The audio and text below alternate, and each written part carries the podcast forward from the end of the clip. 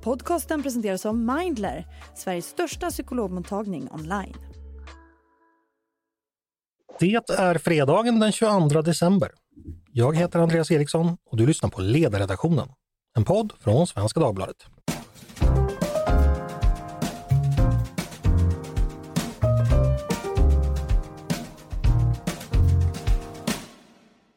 Varmt välkomna till oss, till ännu en podd med Svenska Dagbladets ledarredaktion.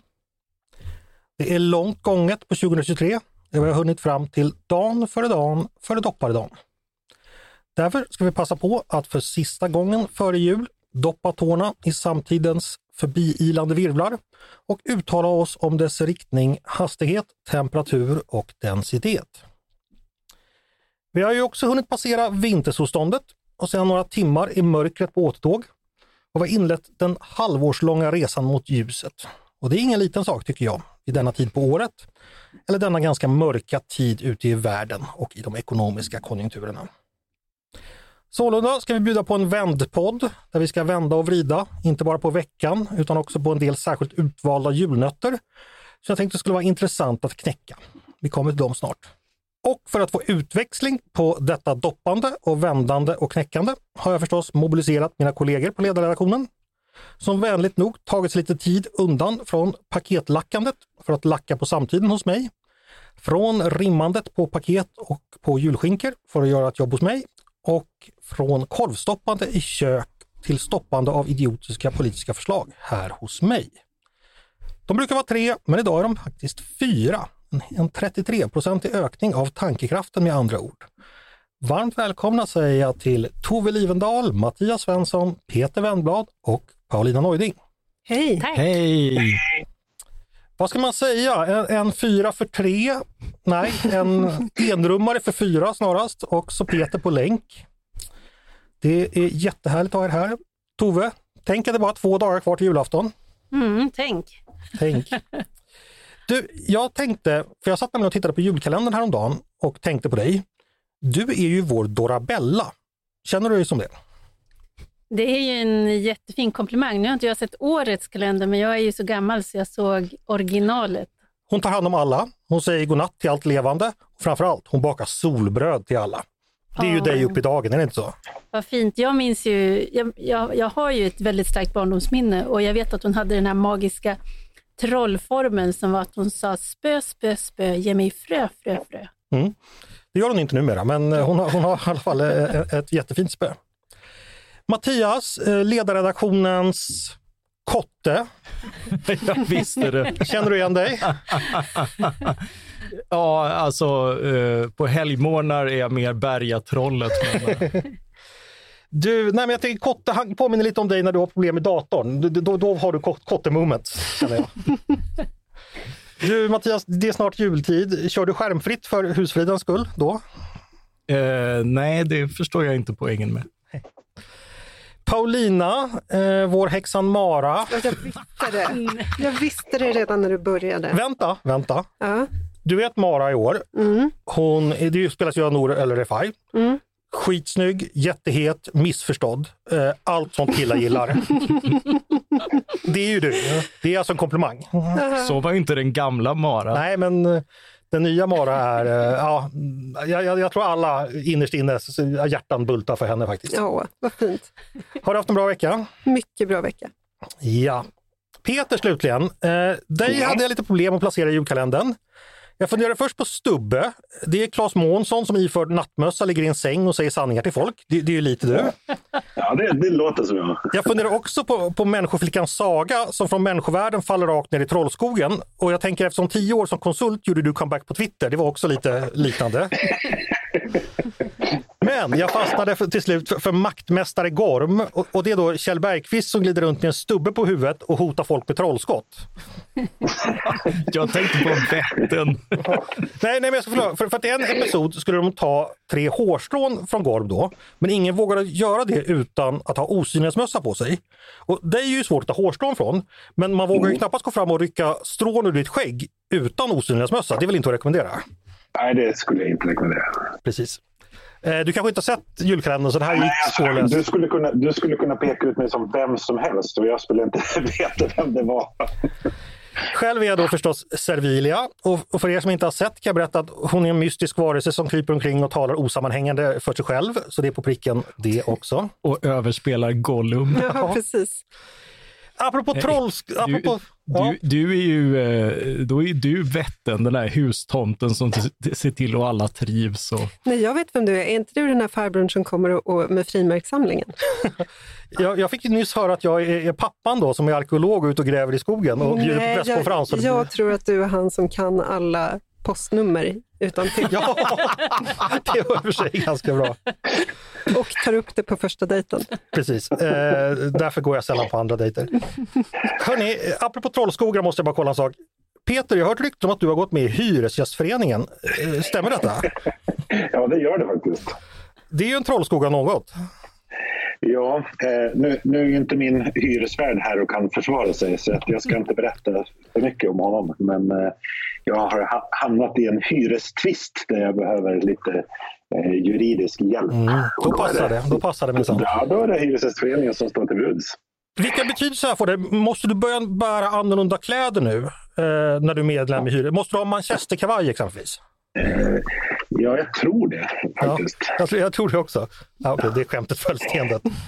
Hörrni, vi ska gå in på, på dagens ämnen. Eh, vi ska förstås prata aktuella händelser, men vi ska också köra lite julspecialare. Och det är ju det här jag nämnde tidigare, att jag har delat ut små julnötter till mina kollegor. Riktigt hårda och nötiga sådana, eh, som det ska bli intressant att höra hur, hur ni knäcker. Och de har ni fått förbereda ska sägas. Men, men jag jag ska bara först, vi ska pr- prata om, om veckan, eh, vad som har hänt och jag har plockat upp några saker där. Regeringen har ju varit flitiga så här inför julen. Det har varit rena Nisseverkstaden där. Knappt gått en dag utan att nya förslag eller en ny utredning presenteras. Så vi ska beta av lite sånt.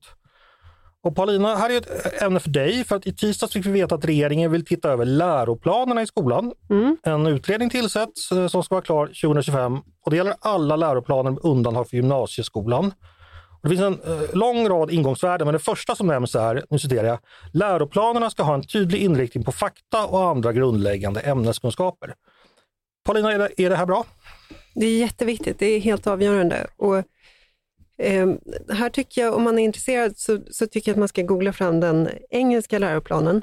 Eh, det, det är lite andra regler, det gäller inte alla skolor och sådär. Men, men det är ändå värt att titta på hur en läroplan ser ut, där man faktiskt konkret berättar i vilken årskurs man ska lära sig att stava till ordet choir och scheme och så vidare, etc. Eh, det, det gör att eh, lärarna har, vet exakt vad de ska gå på, föräldrar vet exakt hur de ska stötta sina barn.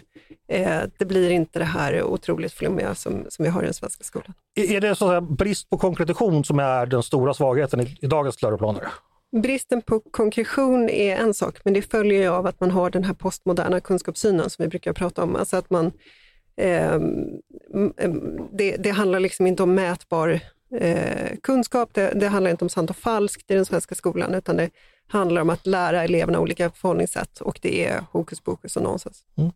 En annan eh, nyhet då är att man ska, som jag uppfattar det, trycka tillbaks det teoretiska lite i, i de praktiska ämnena, för där ska det vara just de praktiska färdigheterna som betygsätts. Det är jätteviktigt. Ja, så som jag fattar det, så här, är man duktig på att limma ihop saker i slöjden så ska man inte behöva ha kunskaper om limmets kemiska formel. Un- Ungefär, Mm. Det är alltså- inte den kemiska formen, utan det är så här, man ska kunna förhålla sig till vad, vad limmet betyder för samhället. Ja, så ja, men precis. Man, men det, det är okej att kunna limma bra eller spika bra. Det är jätteviktigt. Och det, det här är liksom så här, handens kunskap är viktig och någonting som har ett värde i sig bortom det te, teoretiska. Speciellt när det teoretiska blir liksom analysera maktförhållandena i, i hur vi förhåller oss I till limmet, lim. Ja. ja. exakt. Det här skrev ju Då Olle har väldigt fint hamnat om. i klistret. Det här skrev ju Olle jättefint om, Ja. jättefint om på sidan, eh, just betydelsen av de praktiska färdigheterna. Ja, det har, det har ju kommit en bok också i Storbritannien som heter Hand Heart och något ytterligare David Goodhart har skrivit eh, som man kan läsa om man vill. Mattias, göra om läroplanerna nu, är det en god idé eh, i en skola som ibland påstår sig vara reformtrött? Eh, ja, därför att reformerna behövs. Eh, jag, jag tycker särskilt den här separationen, och det ska jag säga som någon som hatade intensivt alla praktiska ämnen, men de måste få vara just praktiska därför att det är eh, kunskaper som behövs de också. Och eh, jag, jag, har erfarenheter av barn som liksom är teoretiskt begåvade och som kunnat snacka sig till bra betyg i, i bild och, och eh, slöjd och allting och, och gymnastik. Och så där ska det inte vara. Alltså det är tillräckligt körlat för, för teoretiker själar ändå i de teoretiska ämnena. Så, så det är jätteviktigt att uppvärdera. Jag som då hade Bengt-Erik Gran i gymnastik, den gamla slalomåkaren, där gick det ju inte att snacka sig till några betyg. Ska jag säga. Då, var det, då, då sprang man ja, och, nej, men och fan, någon, när någon kräktes sa han det, det är bra kämpat pojkar, spring mer. Ja, okej. Okay. Eh, Paulina, du ville säga någonting? Nej, men jag, jag måste få rida ut på en käpphäst här också. Alltså, eh, valet var 2022, nu i slutet av 2023 så, så tillsätter man en utredning Alltså det här försenandet av viktiga saker, och det här är jätte, jätteviktigt, det gör ju att det i praktiken blir liksom som en grundlagsändring varje gång man ska ändra eh, viktiga lagar. Det, det, går liksom ett val emellan. Eh, där, där, liksom, det i sig är faktiskt underkänt för regeringens del. Sen är det jättebra att man kommer igång nu, men nu har man faktiskt bråttom. Ja, utredningen ska vara klar våren eller vintern 2025 och då är jo, det... Jo, jo, och sen ska det på remiss och mm. sen ska det proppas och, och så vidare. Tove, vi, vi gör tummen upp för, för nya läroplaner. Gör du det också? Absolut. Sen Varför? Är, ja, därför att vi ska ha den skolan som ger elever absolut bästa förutsättningar och där är vi inte idag och då får vi jobba tills vi hittar det. Och, eh, och sen, nu har jag ju barn i skolan själv och, och det är klart, jag kan, ju, jag kan ju känna att det finns, visst, de, på ett sätt så, så, tycker jag att jag är imponerad över att de lär sig på ett sätt mer saker än vad man själv gjorde när man gick i skolan, men det är också det här fokuset på analyser och, och reflektioner i unga år när baskunskaperna inte finns. Och det där har jag funderat mycket på, om det är så klokt. Jag tror att det är bra att bygga en grund först och sen kan man resonera om det. Okej, eh, tack för det. Eh, då ska vi gå vidare för vi måste hålla lite tempo med dagens alla ämnen. Och då har det blivit dags för vår första julnöt eh, och då tycker jag att chefen själv ska gå fram och knäcka nöten. Och julnötterna det är helt enkelt dilemman som vi som samhälle står inför. Jag tycker vi behöver klokt råd från kunnigt folk och det får man ju från er. Eh, Tove, och din nöt lyder så här. Eh, Sverige behöver ju bedriva en utrikespolitik och en säkerhetspolitik som gör att vi så snabbt som möjligt blir NATO-medlemmar, för det, det, det är viktigt för oss. Men samtidigt vill vi förstås inte fjäska inför eller anpassa oss till länder vars ledare och regeringar delvis står för blotta motsatsen av de värden som NATO-medlemskapet är tänkt att försvara. Hur löser vi den nöten? Ja, vi håller huvudet kallt, hjärtat varmt och krutet torrt som min företrädare Mats Johansson skulle ha sagt. Eh, världen ser ju ut som den gör och det finns en massa länder som inte lever upp till de standarder som vi ställer på vår egen stat och vår egen regering. Och ibland har det fått oss att ägna oss åt önsketänkande Eh, ibland åt eh, nästan någon slags, jag tänker på när vi hade en diskussion om vilka som skulle komma upp på Nobelfesten, att vi tänker att om de här skurkstaterna får komma och höra om demokrati så kanske de blir demokratiska, den sortens önsketänkande.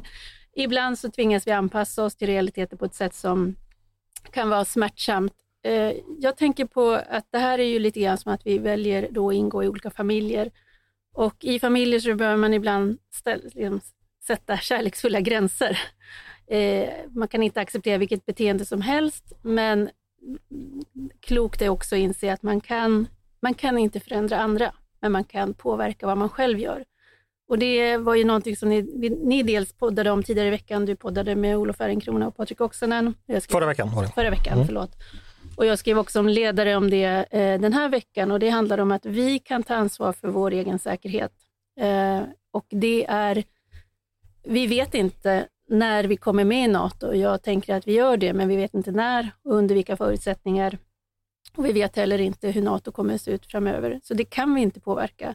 Men vi kan påverka vilket ansvar vi själva tar för vår egen säkerhet och det ansvaret har vi inte tagit ordentligt.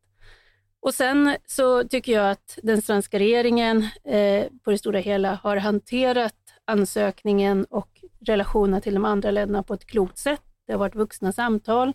Det har varit eh, den kritik som vi har fått har vi tittat på och funnit att i vissa fall har det funnits sakligt fog för den och det har lett oss till att vi har gjort en del saker men vi har inte, vi har inte övergivit de egna värderingar som är viktiga för oss. Och jag tycker att det där är, det är väl så man får göra. Det är en reflekterande eh, övervägning som man får göra för att den här familjen ändå finns där. De aktörerna som, som vi tycker olika saker om finns där oavsett eh, vad vi tycker om det eller inte. Okej. Okay.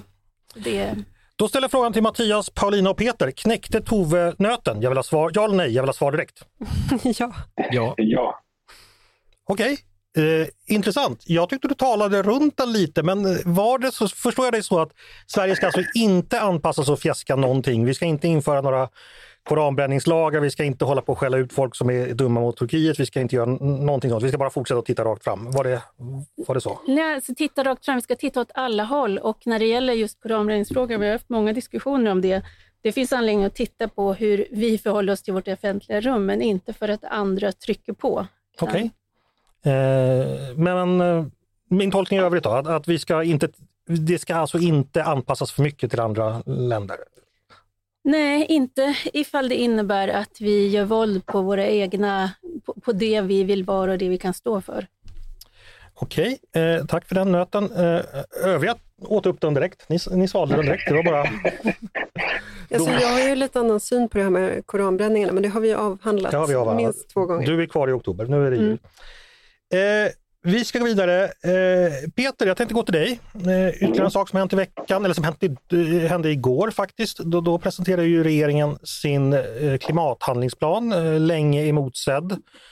Eh, vad kan vi säga om det? Var det några överraskningar?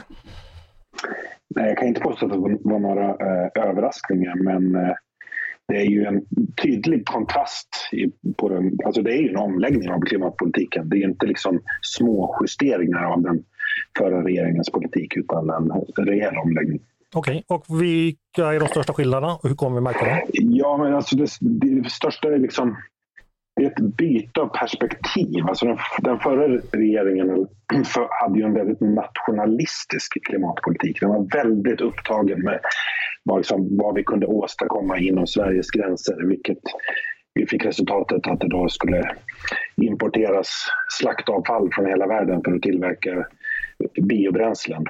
Alltså den här regeringen placerar ju in sin väldigt tydligt sin vad säger, klimatberättelse i ett internationellt eh, sammanhang och ser det som en del av ett liksom, internationellt arbete.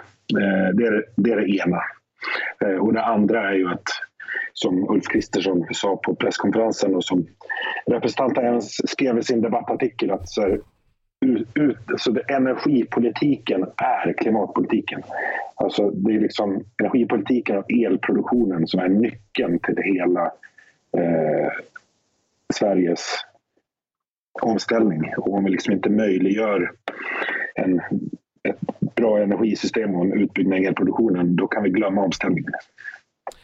Okej, eh, kommer vi nå de mål som har satts upp? Ja, vilka målen är. Det är mycket tal om målet 2045, alltså det här netto noll-målet.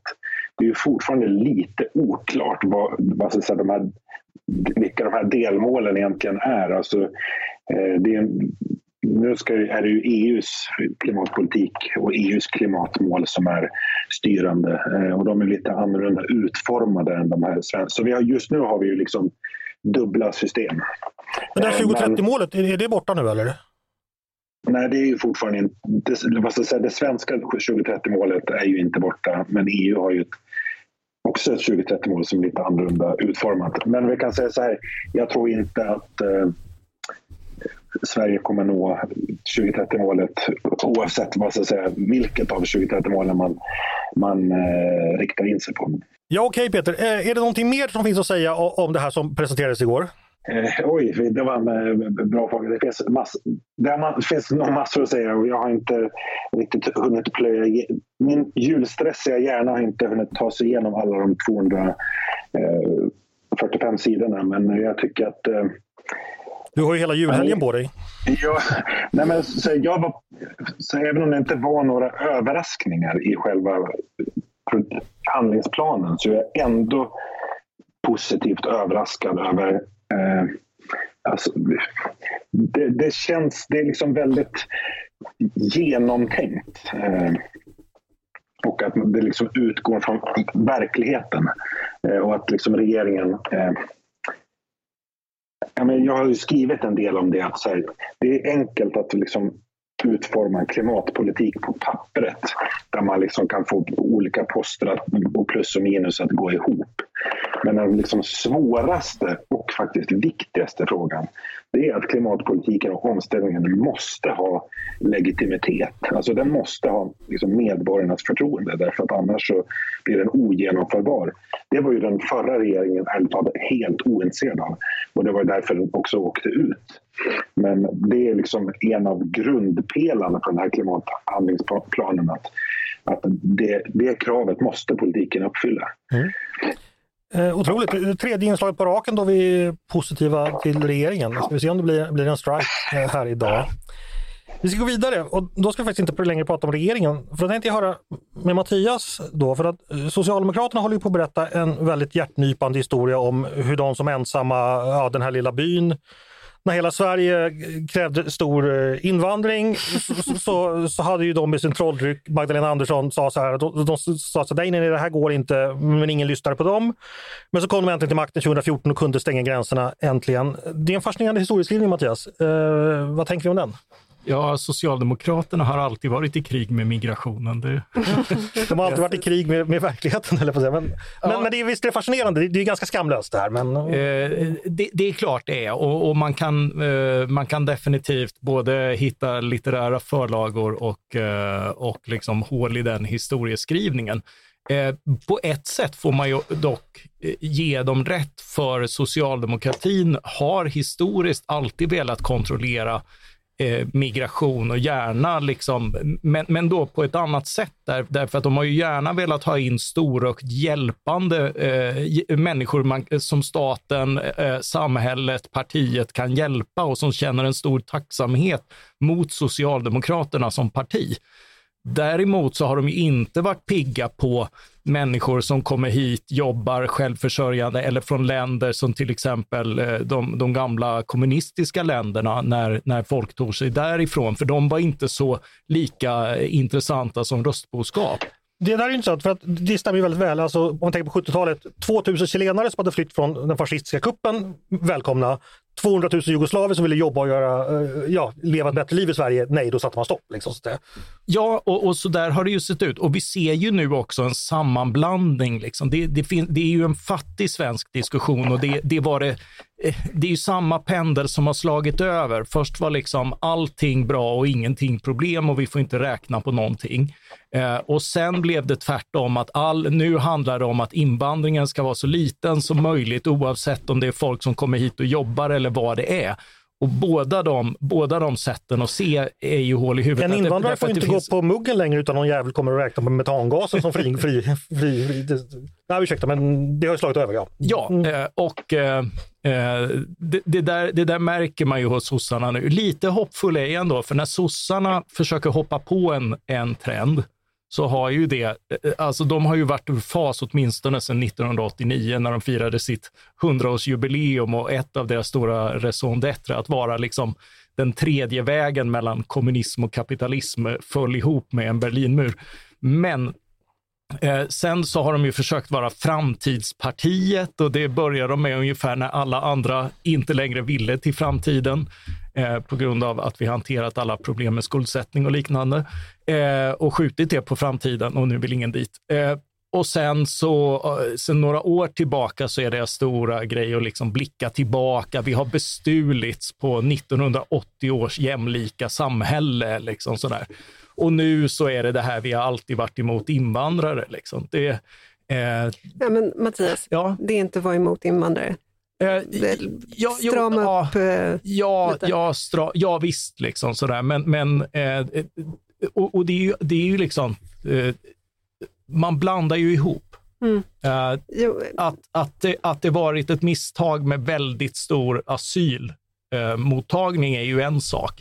Men de har ju alltid velat kontrollera vilka som kommer hit och jobbar och, och på vilka villkor och sådär också. Exakt, för de inskränkningar som har gjorts i politiken historiskt sett har ju Socialdemokraterna varit som har lett. Jag tänker då när man stoppar arbetskraftsinvandringen på 70-talet. Vi har Lucia-beslutet 1989. Vi har också den strama politiken som man då, visserligen tillsammans med den här järnaxeln med Moderaterna införde då eh, på 90-talet efter Jugoslavienkrigen.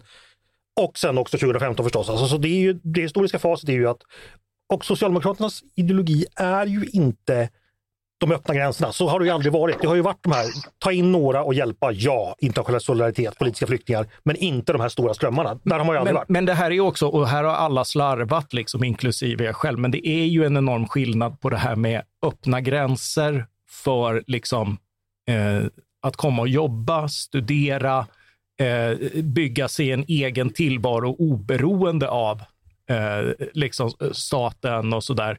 Eh, och det undantag som asyllagstiftningen är. Eh, alltså både och. Vi låtsas, det, var väldigt intressant att höra nu att eh, när, när den här rapporten kom från Socialdemokraterna så låtsas man ju liksom att jaha, det här hände fast man inte hade tänkt på liksom försörjningen och sådär. Det har ju förvisso låtsats som att liksom, vi tar emot människor i behov av en fristad för att det är en jätte jättebra affär för, för vårt samhälle och de kan fylla alla poster där det behövs folk och sådär. Liksom. Och det är ju att att både lura sig själv och skapa orimliga förväntningar på människor och sen har det slagit tillbaka. Paulina? Ja, det finns så mycket i det här. Jag minns ju under migrationsvågen, eller åren kring där, när Aftonbladets ledarsida socialdemokratisk bestämde sig, som man sa, för att höja priset för de som uttrycker sig eh, inom citattecken rasistiskt.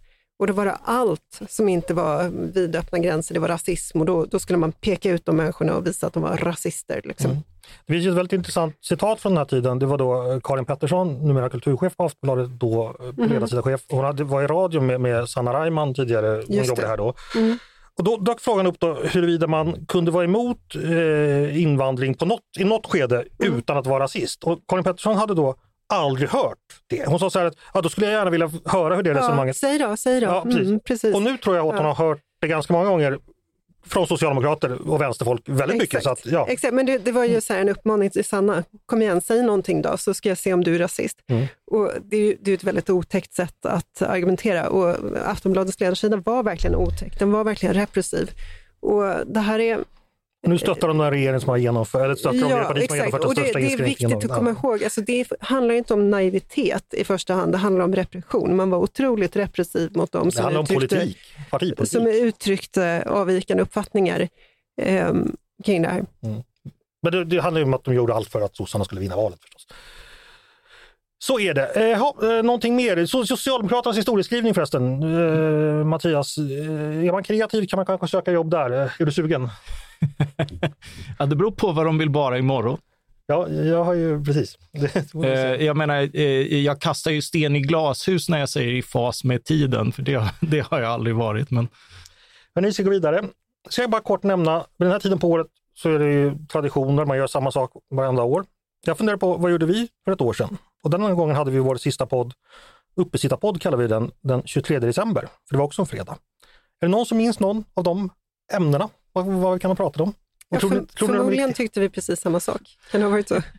Vi pratade så här, vi pratade om Ove Nilssons sorti från, från TT Mm. eh, efter då att han hade tagit ställning mot att regeringen hade tagit tillbaks eh, eh, eller inte hade gjort det, men det gällde ju bidrag till Sveriges kommittén mot antisemitism. Jaha. ja, det blev stort där Ja. i Mm. två dagar. Vi pratade Rosper Parsis cancellering från eh, Folk och Försvar. Tove, pratade du, minns du det Tove? Det minns jag. Ja, är du fortfarande arg på Folk och Försvar? Nej, jag tar för givet att de lärde sig någonting av den där historien. Det får vi, får vi se. Och så pratade vi att fotbolls-VM precis, precis hade avslutats. Och då testade jag också ifall eh, ChatGTP kunde skriva poddmanus och det gick ju inte så bra den gången. Eh, men nu gav jag då den nya versionen i uppdrag att skriva ett julrim. Jag ville ha en sonett och sa att den skulle publiceras i en tidning och att den skulle vara politiskt. Och det här fick jag nu. I maktens korridorer formar sig slag. Politiska röster höjs i klang och ton. Denna tidning skildrar det som är på drag. Läs och se politikens sanna kron. I julens ljus politikens spel, partiernas dans med retorik såklart. I dessa sidor en politisk fjäll och makt och styrning en julig kar. Här i tidningens skrift, politikens band, med rim och resonemang syns varje drag. Makthavarnas gåvor och politiska brand. En ljuvlig läsning om vårt lands behag. I politikens nyanser tidningen bär, läs och förstå politiken så nära.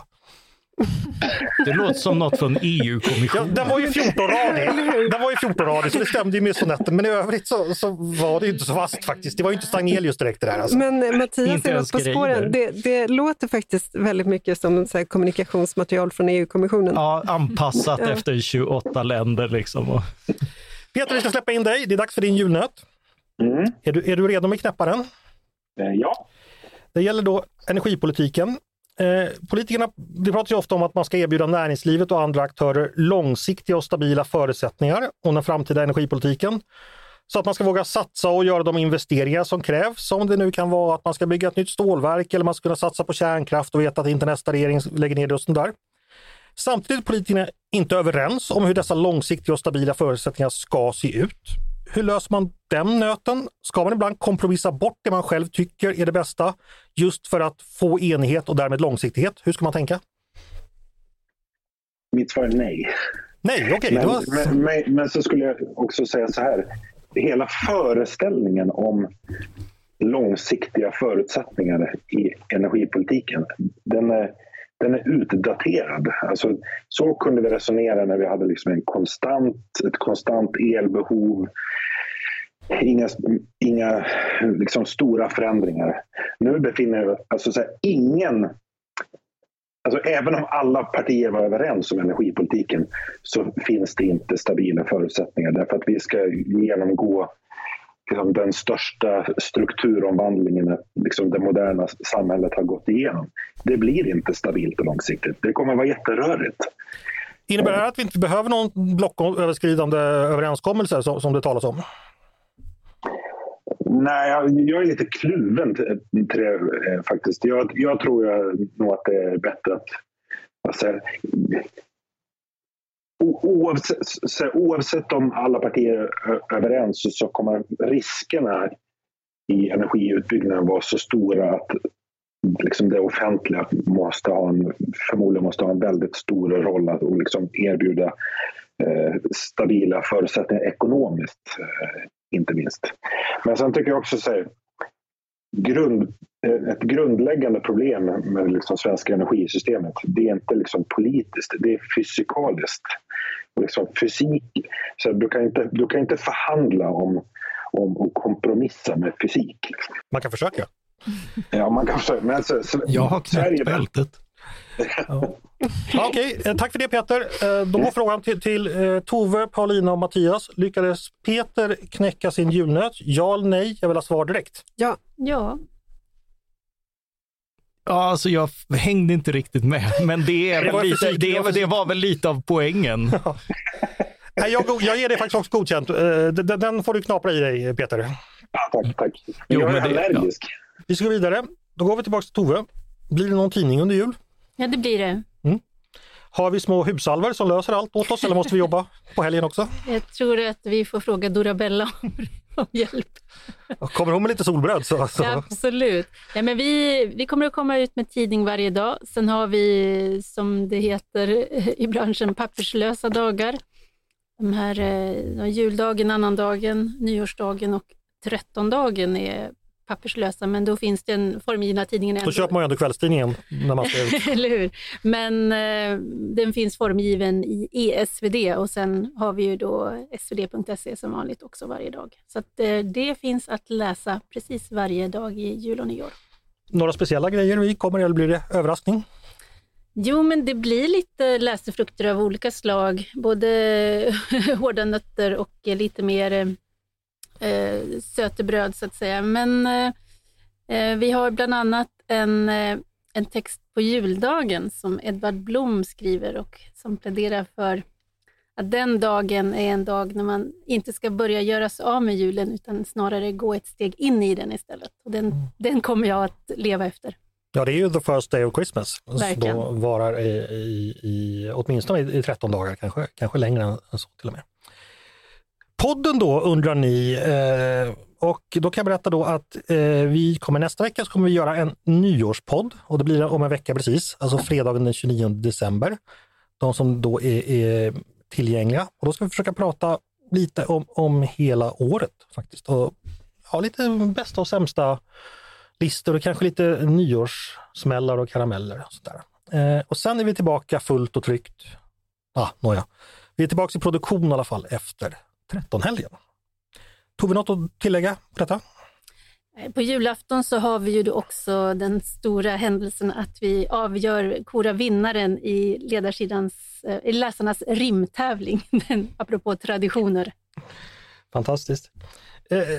Eh, eh, vi ska fortsätta med, med, lite vad som har skrivits i veckan. Eh, Peter, du skrev ju om Norrland i veckan. Eh, om ett, du utgick från ett badhus i Kiruna och bara den meningen skriker ju Peter Wennblad. vad kan inte du göra med dessa badhus i Kiruna? Vad gjorde du med den här gången?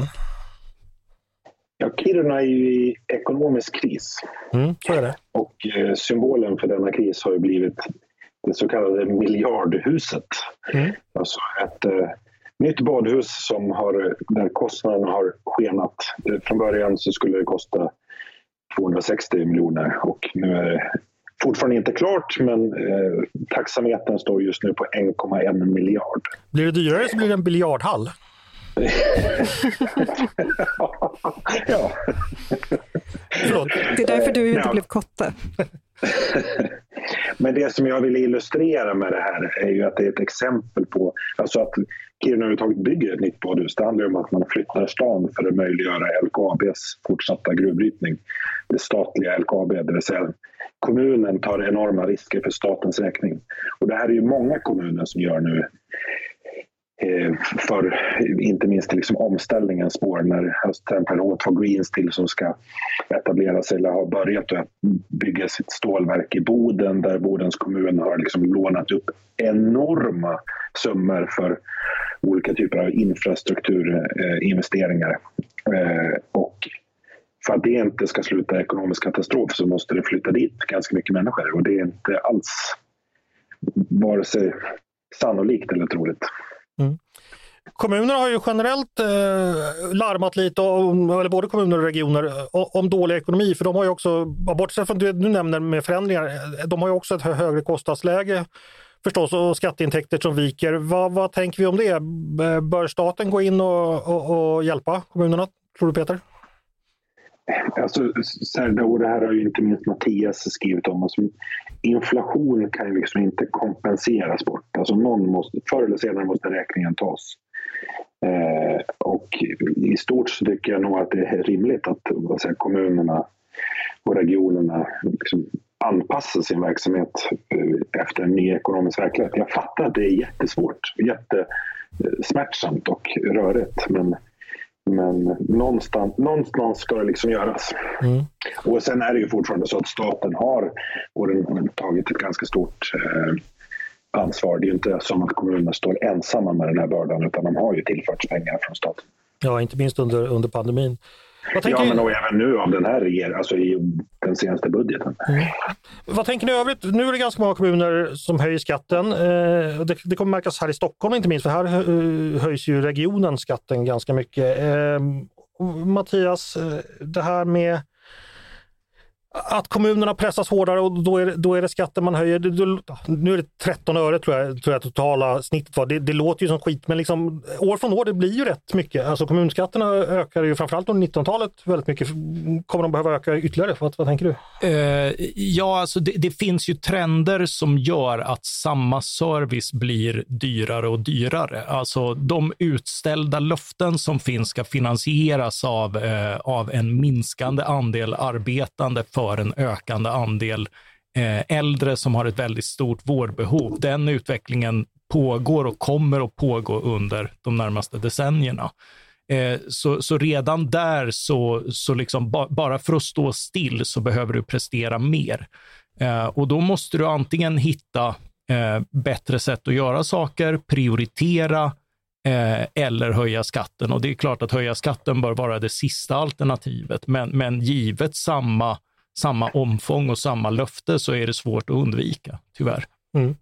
Ja, man kan ju ta ut högre avgifter på, i, i, i vården exempelvis. Skulle man kunna göra. Ja, och, och, och det, det, finns ju definitivt sådana, men, men eh, ska du göra något mer eh, systemövergripande eh, jag, jag, tror att avgifter i vården och annat ska du anpassa mer för att se till att, inte, att, att du liksom inte har överbehandlingar och felaktig användning av vårdens resurser. Men, men, men, men, eh, och, och, inte som finansieringskälla, för då, då kan du få felaktiga incitament. Den stora kostnaden har vi ju tagit gemensamt där.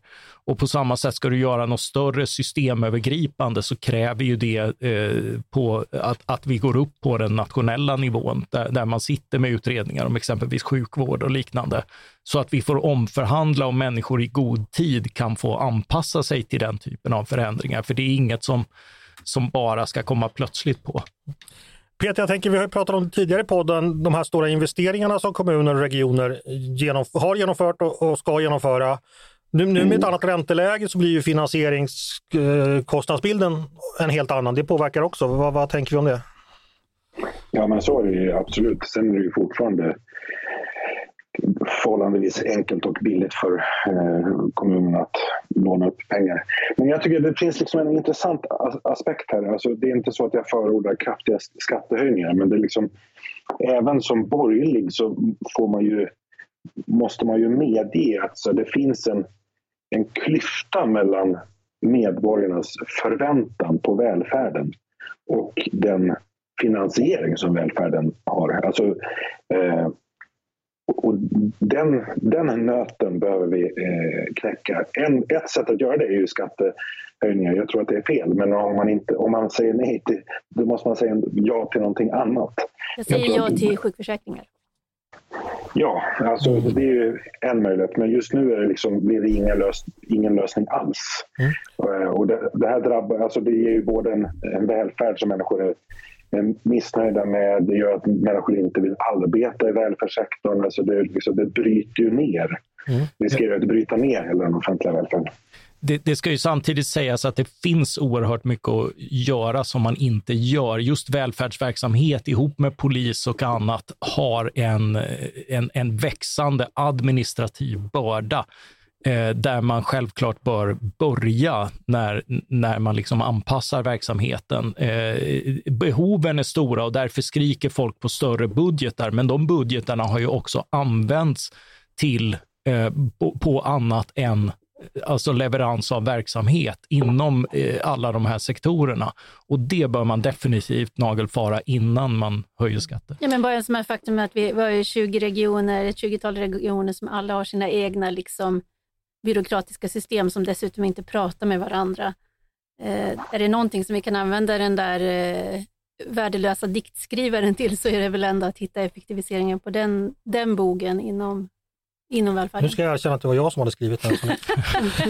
men, men, men Tove, ändå, nu säger, vad ni säger nu är effektiviseringar. Det har ju kommunerna ägnat sig åt i 30 år. Säger man det till skoltwitter så får man skit. Alltså, finns det så mycket luft? Men, men, men, men, det beror på vad man gör. Och, ja. men, där är ju, här, vi har inte använt det som digitaliseringen kan medföra, det vill säga att vi har mankapacitet, humankapital som ägnar sig åt saker som datorerna kan göra.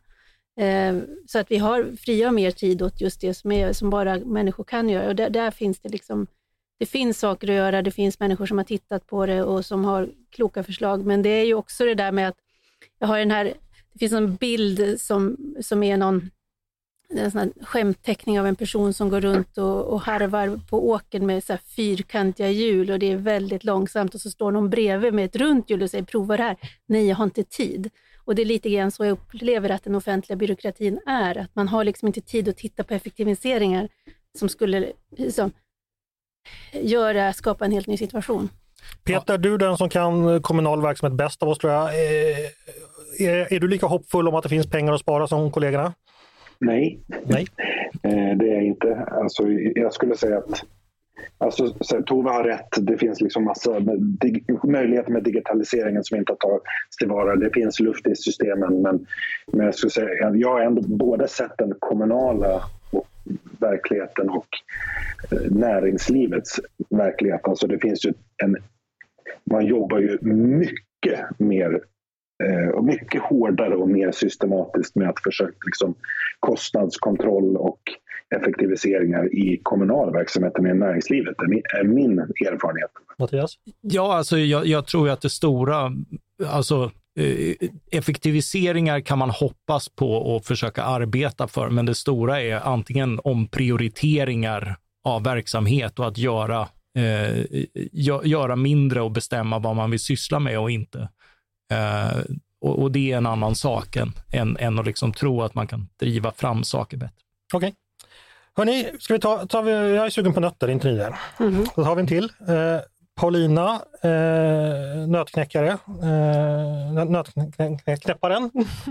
Eh, din nöt rör den inre säkerheten och då formulerar jag mig så här. Sverige behöver så fort det går bygga ut en rad samhällskritiska, kallar de verksamheter, som exempelvis polis, eh, domstolar, kriminalvård, socialtjänst och andra myndigheter som säkerställer vår inre säkerhet. Till stor del handlar det om att rekrytera fler medarbetare. Fler, vi måste ha fler huvuden helt enkelt. Samtidigt vet vi att organiserad brottslighet och andra antagonistiska krafter försöker infiltrera dessa verksamheter. Vi vet att det redan har skett. Vi har sett flera exempel på det i närtid, exempelvis mm. domstolar. Hur löser vi den nöten att locka jättemånga nya att anställa, men inte människor som riskerar att helt enkelt inte vara lojala med uppgiften? Det är en jättestor utmaning för det första. Mm. Och man kan ju titta på sådana här små mikrokosmos, till exempel Södertälje. Eh, där vet vi att eh, eh, klanerna har tagit sig in i statens funktioner. Samma sak i Botkyrka. Alltså, det här är en av våra mest, eh, två av våra mest eh, invandrartäta kommuner och då ser vi att det här har hänt. Så på, på mikronivå har vi, har vi sett det och sen så har vi sett fler exempel nu på, på eh, riksnivå. Så att vi vet att risken är väldigt överhängande. Och där får vi liksom fatta ett principbeslut. Antingen så säger vi att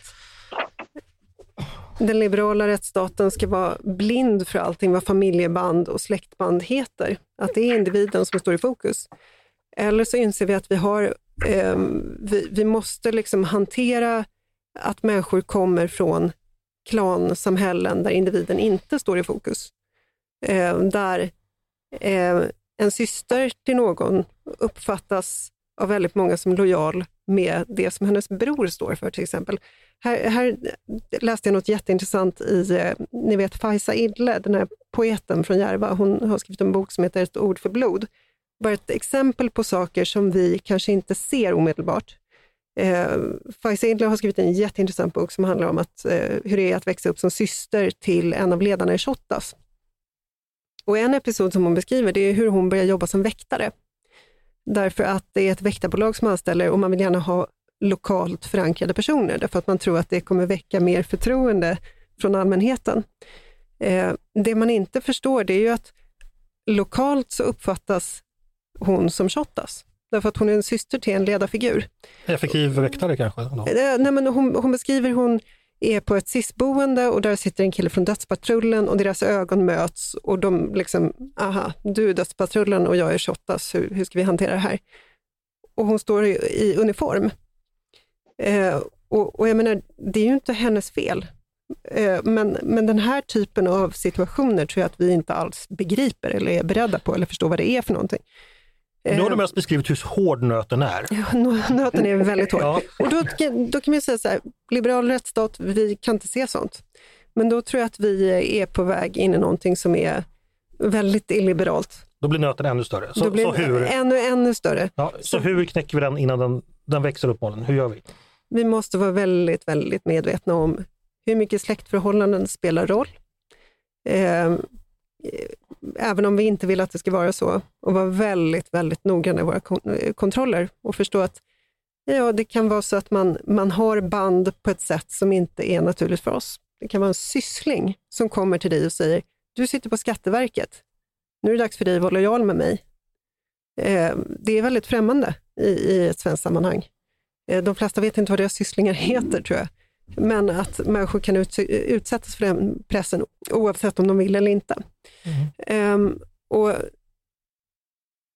där måste vi helt enkelt bestämma oss för att förstå att vi har att göra med en helt annan logik, en helt annan, ett helt annat sätt att se på lojaliteter, på släktband och så vidare. Innebär det här att när vi ska anställa någon på Skatteverket ska vi kolla så att det inte finns någon syssling som är kriminell? Och har man en syssling som är kriminell, då får man inte jobbet? Vi kan behöva titta på det så ja. Men, men det är ju inte bara sysslingar och kusiner och, och allt vad det är, utan det kan vara som i det här fallet på Attunda tingsrätt med en eh, sårbar person som blir utsatt för en kärleksskam. Ehm, det, det, är en kvinna som, som börjar lämna ut eh, uppgifter, dokument, därför att hon tror sig vara i en relation med en, en kraftigt kriminellt belastad person. Ehm, så att ehm, det är svårt. Det betyder inte att man i det enskilda fallet inte ska få jobbet. Ehm, men ehm, vi, vi, måste vara, vi måste liksom snäppa upp vår, vår vaksamhet. Och här, jag intervjuade Johan Forsell om det här för förra året eller för ett par år sedan och frågade honom just om det här. Liksom, hur, ska vi, hur ska vi bygga ut polisen utan att bygga in klanerna i polisen? För det är det uppenbara, det är det som kommer ske om vi inte är vaksamma. Eh, och reaktionen från bland annat Aftonbladets ledarsida var att det här var en fruktansvärt rasistisk fråga som absolut inte fick ställas. Och så där kan vi inte hålla på, för då, då kommer klanerna ätas in i staten och då har vi mycket lite utrymme för liberalism. Du fick ihop det snyggt där. Vi knäcker nöten genom att inte läsa Aftonbladets ledarsida. Mm. de flesta nötter funkar där. Då ställer jag frågan till Mattias, Tove och Peter. Eh, tycker ni att eh, Paulina knäckte den här nöten? Ja eller nej? Jag vill ha svar direkt. Ja. Relevant poäng, men nöten är väl inte knäckt? Fast jag tror att vi alla har fått sådana nötter, nötter som ja. inte, inte knäpps på det enkla sättet. Men eh, jag tror också, jag delar Paulinas inställning att det, vi behöver tänka på ett nytt sätt. Eh, även om det är otroligt obehagligt att behöva göra det. Mm. Framförallt behöver man väl ha kontroller och medvetenhet om att det här finns. Ja. Eh, alltså mm. inte mm. döma ut människor på förhand, men däremot eh, våga se eh, att, att det här förekommer och därför vara väldigt noga med, med liksom rutiner och mm. liknande. Mm. Och, förlåt, den bok jag nämnde, alltså, skälet till att vi får höra den här episoden, det är för att författaren inte befinner sig i den kontexten längre. Hon beskriver mm. att hon lever under, under skydd och kan därför tala ut och berätta hur det var. Mm. Eh, så det, det bevisar ju bara hur otroligt svårt det är. Mm. Ja, och för det är en verklig nöt därför att det innebär ju också att på samma sätt som när vi ibland har talat om kranbränningar, att man, man blir liksom fångad i sin egen logik, att vi vill bekämpa klansamhället, men vägen dit blir att också acceptera och ta hänsyn till det. Vilket är så att säga, mm. vi vill inte behöva ens tänka på det. Mm. Peter, du svarade inte tror jag på den här svar direkt. Eh, ja, eh, ja. Mm. svarade Men jag, jag, jag tror så här, jag tror att det handlar mycket om interna kontroller. Jag, jag, tror att det är omöjligt att säga, stoppa de här människorna inom citationstecken från att ta sig in i offentlig verksamhet. Därför att det är människor som inte vad säger, det är inte så att de är eh, wallraffare som klankriminella utan så här, det är människor som söker arbete och kan vara mycket väl kvalificerade för, för sina arbeten men där lojaliteten till familjen är en del, kanske en ganska liten del av identiteten men som ibland då liksom slår till. Eh, och där krävs det liksom interna kontroller för att förhindra det. Mm. Och sen inte minst förväntan om lojalitet från andra. Alltså man kan ju själv vara hur inte lojal som helst. Men när man får det där telefonsamtalet så eh, har man problem. Utmärkt. Då är det dags för, för, för uh, vår sista julnöt. Uh, och, då är det Mattias här. Uh, du ska få en nöt som rör förra veckans diskussion kring penningpolitik. Peter kan, kan gå och sova och drömma om badhuskyrorna så att du inte blir, blir ledsen. Men Mattias, din julnöt uh, eh, lyder så här. Anledningen var, var att eh, Peter beklagade sig över det nationalekonomiska seminariet förra veckan. Då. Eh, så här. Under lång tid har räntan varit mycket låg i Sverige, vilket har lett till hög skuldsättning bland hushållen. Hushållen har nu fått kraftigt försämrad ekonomi, betydligt mindre pengar att röra sig med. Julhandeln krymper i år exempelvis. Dagens högre ränta är sannolikt ett bra botemedel mot den skuldsättningen som rasar iväg. Eh, men samtidigt finns det en stark politisk press Eh, och längtan efter lägre räntor. Även ekonomiska skäl talar för det eftersom pressade hushåll har en återhållande effekt på tillväxten. Men skulle räntan bli låg igen så riskerar den att återigen sätta igång den här lånekarusellen och med expansiv kreditgivning och göra ännu fler hushåll högt skuldsatta. Hur löser vi det dilemmat? Eh, ja, alltså jag, det första man behöver inse är ju att räntorna nu är ganska normala. Eh, det är precis det som alla låntagare inför, eh, inför husköp och liknande har stresstestats för att kunna klara av. Den där kalkylen man inte brydde sig om för det verkar så orealistiskt. Precis, eh, och, och det är ju laga efter läge. Jag tror att det kan vara sunt för Sveriges ekonomi, både för hushåll som har vant sig vid att boende är en slags investering och, eh, av någonting som bara kommer att öka i värde därför att vi vet att långsiktigt så ser trenden inte ut så, utan, utan boende är konsumtion, det är en kostnad.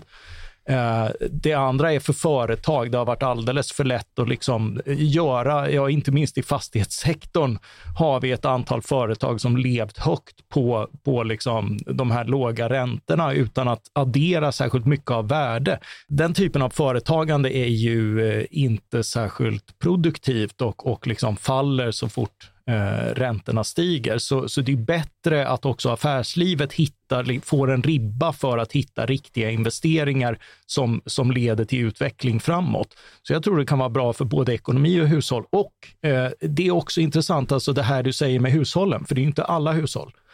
De som har kunnat ta stora lån, det är välbärgade människor som, eh, eh som, som har dragit nytta av den här värdeökningen.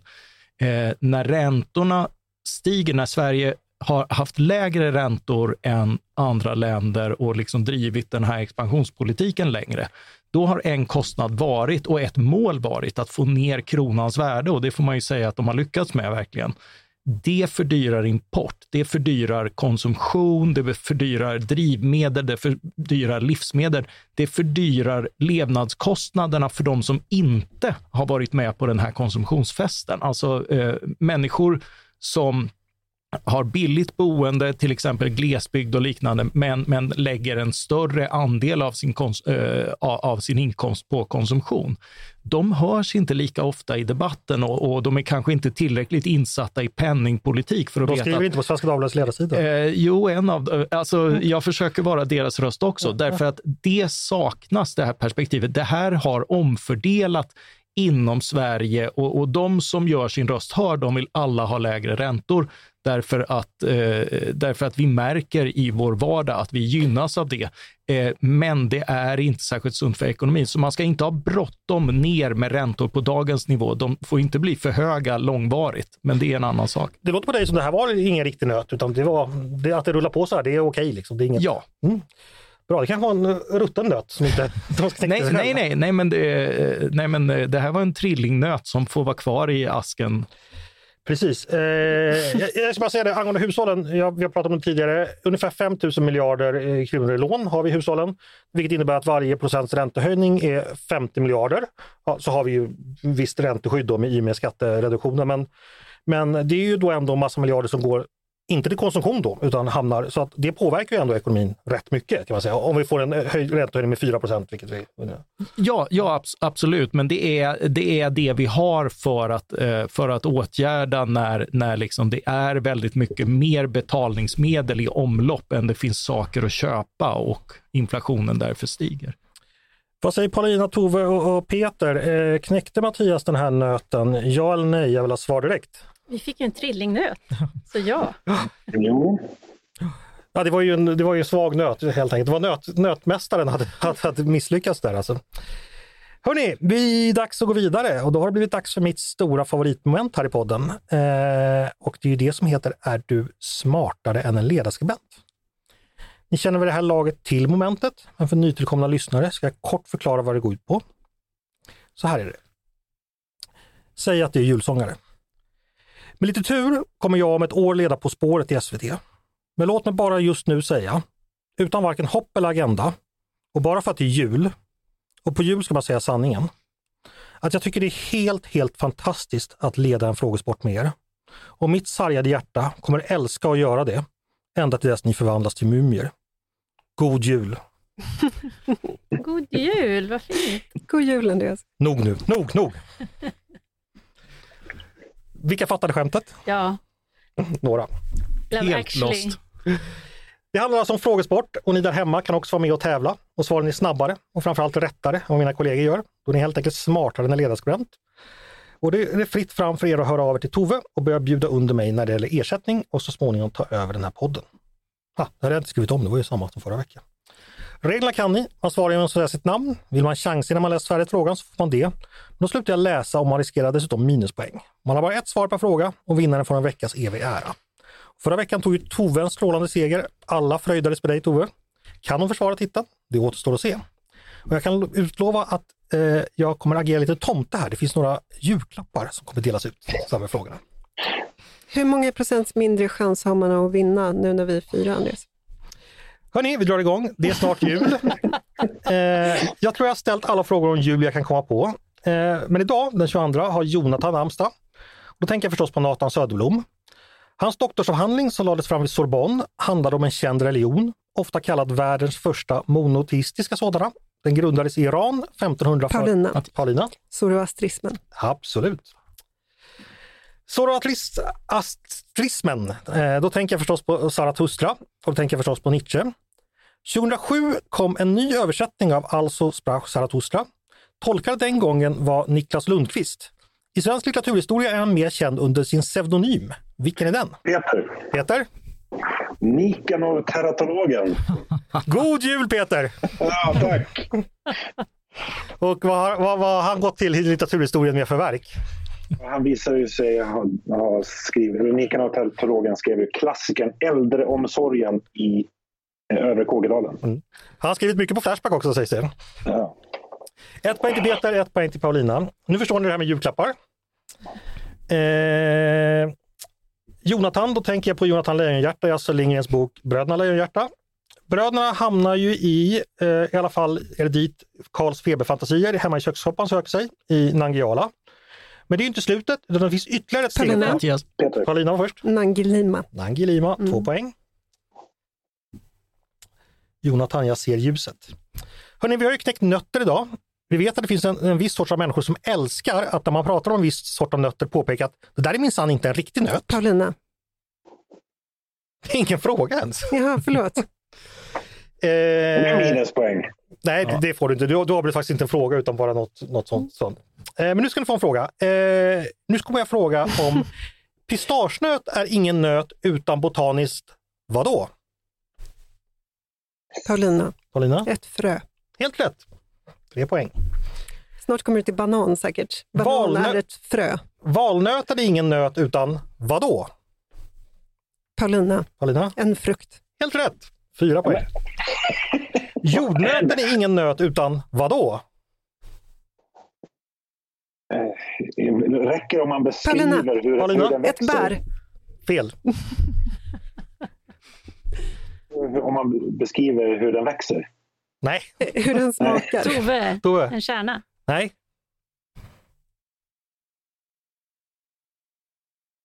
Fast nu blir jag osäker här. i och för sig.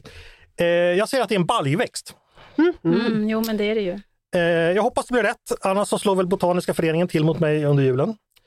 Paulina har fyra poäng, Petra ett, övriga noll. Eh, då är det så att vi ska prata lite om vintersolståndet och att det vänder. Det är många av oss som minns Sveriges vändning mot England i kvalet mot, till EM 1998. Sverige hamnade i tidigt underläge efter en minut, men efter en halvtimme kunde Andreas Andersson kvittera. Bara två minuter senare gjorde denna AIK-spelare... Mattias. Mattias. Kärnkraftverket Johan Mjällby. Grattis! David Seaman ville inte rädda den bollen. God jul Mattias! God jul, Tack, tack, tack. Eh, nej, den var ju inte på Paulina förresten. Vad sa du? Det var din julklapp Paulina. Så här, eh, en av historiens stora vändningar, det var när Julius Caesar bestämde sig för att utmana senaten och uttalade alia acta est. Eh, tärningen är kastad. Han gjorde det när han gjorde en speciell sak. Den saken har sedan blivit ett talesätt i sig. Paulina. Vad- Paulina. Han korsade Rubicon. God jul Paulina! Tack så mycket. Jag vet inte vad det, det känns som något går mig över huvudet. Berätta! Det här med god jul. Jag, Det är alltså frågor som är specialgjorda. Du tycker ju om antiken och latin och sådär. Ja. Jag hade också en fråga, om det inte, du hade inte svarat rätt på den så hade jag en fråga på polska. Som, Jaha, vad roligt. Ja, men nu tar, tar vi inte det. Det var ju nödfall då ifall någon annan ska ta det. Nötfall. Nödfall. Då ska vi se, eh, fem poäng Paulina, Mattias har eh, ett och Peter ett. Ska vi hinna med lite julfrågor också. Eh, nu ska jag läsa julevangeliet för er. Och det hände sig vid den här tiden att från kejsar Augustus utgick ett påbud att hela världen skulle skattskrivas.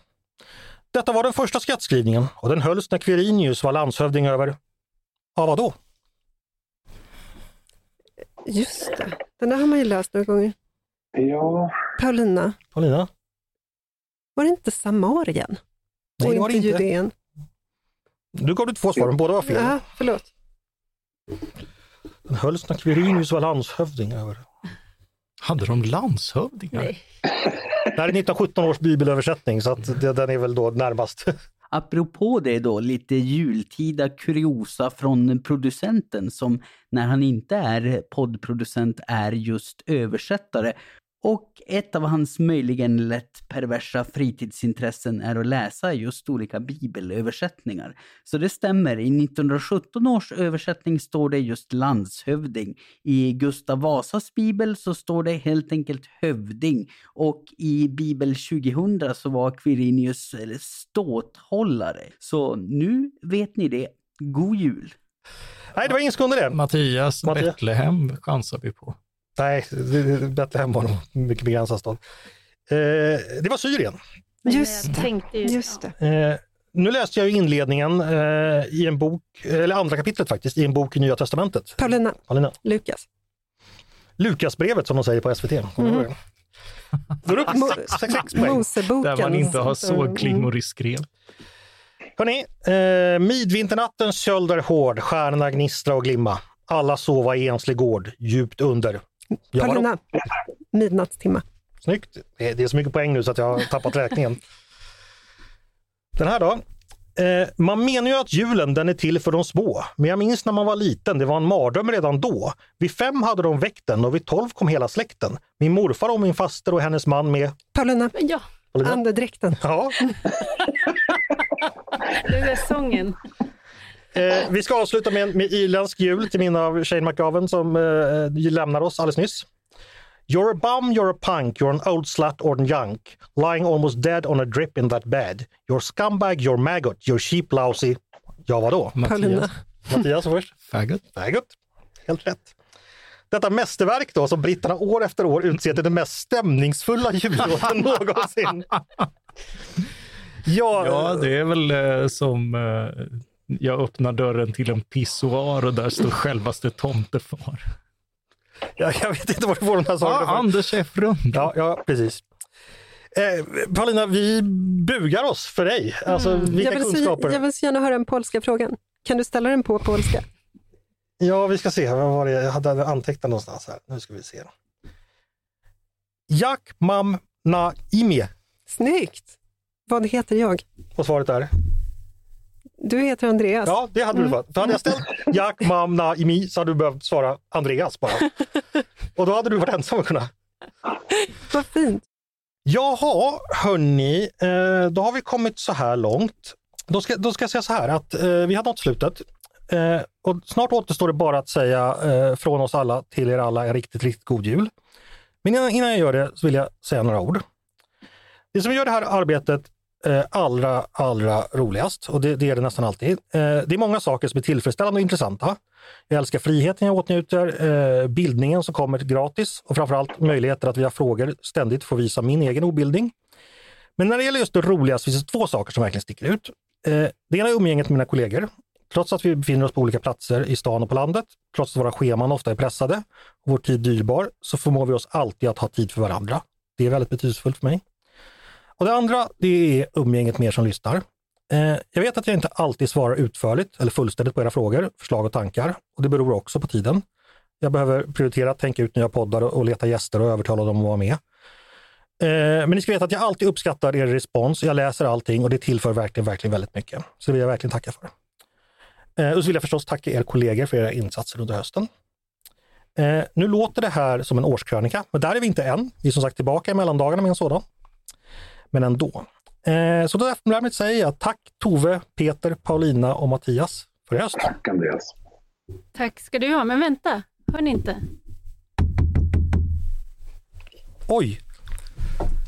Tove, ska du köpa tidningen nu? Här köp tidningen. Och titta, här står det en säck. Ni borde lyssnat på Gösta Bohman står på den här påsen. Från- Tove, eh, nu får du komma ihåg att det är radio Tove, så vi måste, vi måste teckentolka detta. Ja, Åh, titta. det är en jultomte som kommer och tackar redaktören för Tack så en mycket. fantastisk höst. Ett hårt paket kan jag berätta. Paulina, Åh, god tack. jul. Och Mattias, god jul. Åh, tackar. Peter, du ska ha fått med posten, men det kan ju komma lite, det kan dröja innan det kommer Till, fram till, till nästa jul kanske. det här är lite som att lyssna på så här, Odla och Meny i P1 när folk liksom... man bara hör ljudet av Små julgransutdelning. sticklingar och sånt där. Stort ord tack Tove. Ja, fint. Och nu har ingen ett paket till Tove, det var väl Jag har paket till Tove i mitt skåp. Ja, vad bra. Ett, ett, ett äpple. Och därmed så återstår ingenting annat än, än att eh, från oss alla här på ledarredaktionen önska er alla som läser oss och lyssnar på oss en riktigt, riktigt god jul. God jul! Du har lyssnat på Ledarredaktionen, en podd från Svenska Dagbladet. Ni är varmt välkomna att höra av er till redaktionen med tankar och synpunkter på det vi precis har diskuterat. Eller om det är så att ni har idéer och förslag på vad vi ska ta upp i framtiden. Det är bara att mejla till ledarsidan snabel svd.se. Dagens producent, som också förtjänar en julklapp, han heter Jesper Sandström. Jag heter som vanligt Andreas Eriksson och hoppas att vi hörs snart igen.